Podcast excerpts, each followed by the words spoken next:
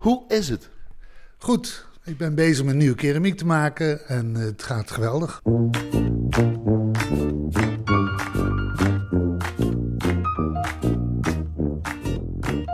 We zijn hier in jouw atelier in het Noord-Limburgse Bergen en omschrijf even wat we zien vanuit jouw werkplek, Geert Jacobs.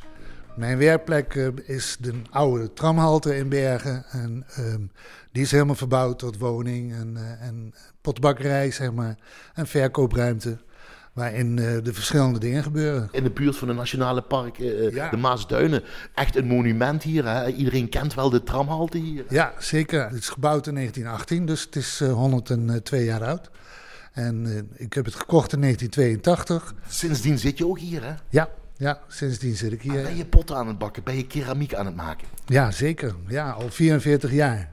Je klinkt niet Limburgs. Nou, jawel. Ik ben toch wel in, in Gennep opgevoed. Mijn vader was een Amsterdammer en die zat, kwam hier door de, door de Tweede Wereldoorlog. En mijn moeder is uh, Genneps.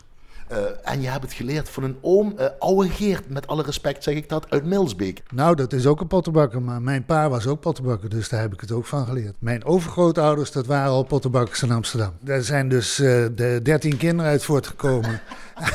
en er zijn er twee van pottenbakker geworden. En wij zijn dan weer de volgende generatie. Heb je het dus ook van je ouders geleerd? voor een heel groot stuk, ja zeker. Ja, maar ik heb ook een opleiding gedaan nog in Gouda. Dus de, de, de, heb je een, echt een pottenbakkersopleiding nog. Ik mocht daar acht jaar opleiding doen in drie jaar tijd. Vanwege mijn achtergrond. Wat is die fascinatie voor keramiek voor jou? Klei verbindt. Klei is geweldig. Het is een, een, materie waar je alles mee kunt. Kijk maar om je heen naar de keramiek. De plavuizen hier op de grond, de bakstenen van je huis, de dakpannen, je wc-pot, uh, je serviesgoed. Alles is gemaakt van klei. Daar staan we niet genoeg bij stil? Nou ja, het, het is zo gewoon geworden hè. Maar we kunnen natuurlijk ook hele aparte dingen van maken. Dat is ook wat ik probeer. Je moet het eerst bedenken. En dan kun je het vorm gaan geven.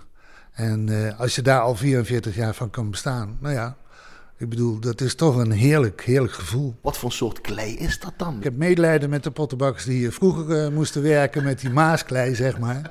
Want dat was niet zo best hoor. Nee, wij halen nu de klei, komt uit uh, Midden-Duitsland. En dat is een klei die tegen een hoge baktemperatuur kan. Want was deze klei vroeger, die maasklei, uh, was niet zo uh, bewerkbaar? Nou, daar werden meer bloempotjes van gemaakt en bakstenen en zo. En sommigen probeerden daar natuurlijk ook sieraardewerk van te maken. Maar ja, dat was toch wel uh, moeilijk, omdat het, je kan het niet zo hoog bakken.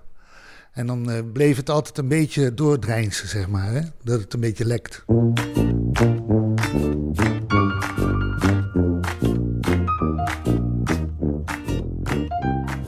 Mijn gewone werk uh, bestaat uit steengoed. Een steengoed wordt gebakken zo rond de 1200, 1250 graden. Steengoed is? Steengoed is een, uh, ja, zo noem je dat. Stoneware, zegt de Engelsman.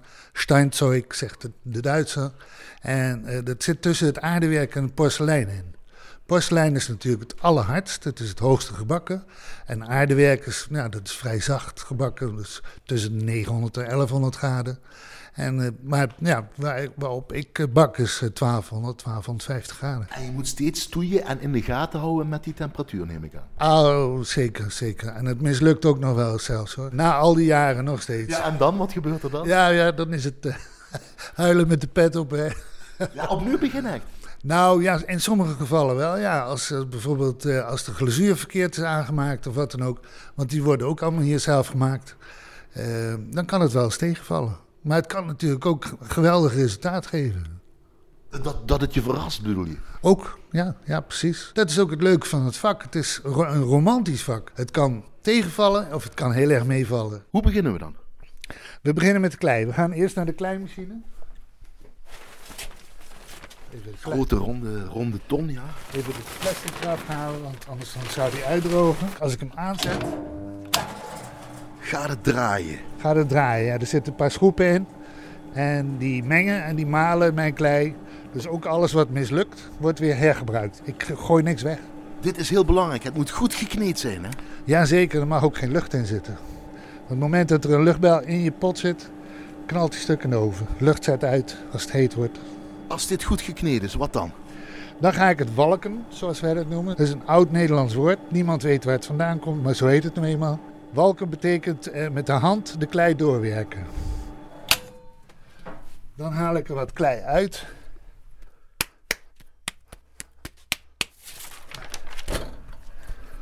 Op een koude ondergrond? Dit is een, uh, een gipsen plaat. Gips is, uh, heeft uh, natuurlijk de eigenschap dat zuigt. Dus het neemt een beetje het water eruit en maakt hem iets droger. Nou gaan we walken. Dit heet walken. En de manier waarop, kijk, is, heet ossekop. Nou, de bakker die werkte lucht in zijn deeg en ik werkte lucht uit de klei. Met je handpalmen duw je die klei een beetje zo vooruit en je draait hem tot een, ja, zeg maar tot een staaf. Dan haal ik er een stuk af. En dan zorg ik dat er in ieder geval geen lucht onder kan komen tussen de schijf en de klei. En dat kijk je, controleer je en voel je de hele tijd. Ja. Dan ga je naar de schijf. Ga ik naar de schijf. Je maakt het nat? Ja, ik heb water erbij. Want als je wilt draaien heb je water nodig. Pak je klei. En dan... Hoppatee. Nou moet hij in het midden komen. Dus handen nat, handen eromheen. Nu is hij gecentreerd. Helemaal in het midden, dat puntje. Ja, Van de onderkant van een kommetje, denk ik dat het wordt. Ja, want hij moet natuurlijk in het midden blijven. Kijk, als hij niet in het midden staat, dan heb je dit. Dan wiebelt hij. Dan wiebelt hij, dan gaat hij uit, uit het midden en dan krijg je nooit een mooi rond uh, geheel. Nu staat hij weer gecentreerd, duimen erin en ik breek hem open. Zie je, het is net een bloem. Hij krijgt een bodem. Nou, dan werk ik hem even af met een spons, water eraf. Nou, dan is hij gedraaid.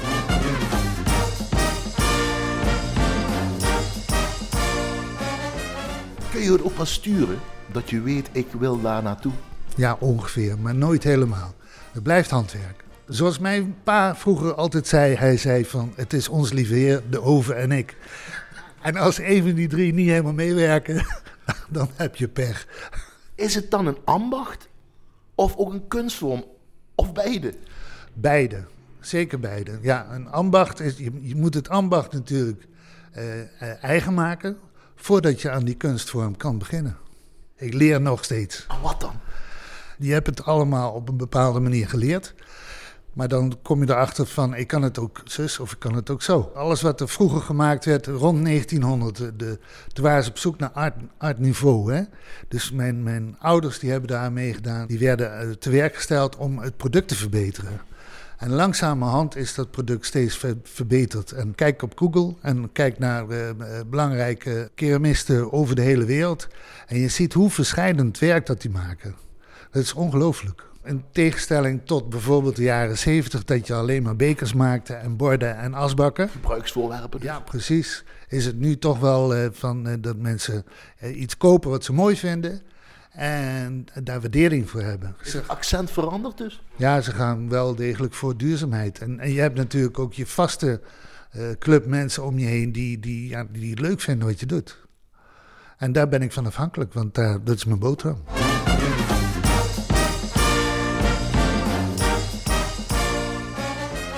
Dan is hij gedraaid. En dan? Dan snij ik hem af met een draadje, draadje. Aan de onderkant? Onderkant, zo. Hij moet sowieso eerst drogen, ja. Het kristalvocht moet eruit. Want kristalvocht? ja, je hebt drie soorten water wat erin zit. Dus het kristalwater, het adsorptiewater en het absorptiewater. En dat verdwijnt, die twee andere, die twee laatste, die verdwijnen met 400 graden en met 900 graden. En dan pas is een pot helemaal droog. Het wordt natuurlijk allemaal nog afgewerkt en noem maar op. Alle vingerafdrukken gaan eraf. Dan, gaat het, dan zet ik het op de oven dat het nog een keer een graad of 80 wordt, zeg maar. Dat het echt lekker droog is voordat het erin gaat. Dan wordt de oven gevuld. En dan stook ik hem op. Dan is die één keer gebakken. Dan is die biscuit gestookt.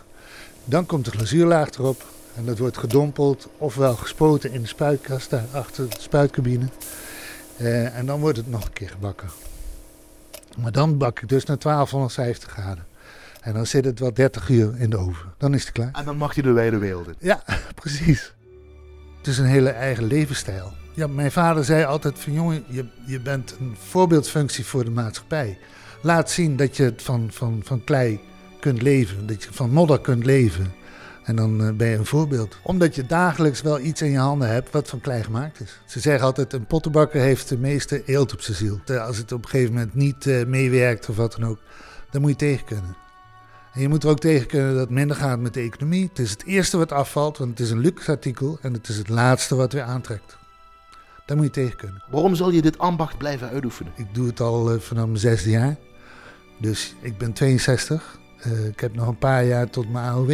En ik denk dat ik daarna nog steeds met klei bezig ben, want het is gewoon te leuk. Het is fijn om te kunnen leven van moeder aarde, hè? want zo het eigenlijk. Ik kan niet zonder, nee.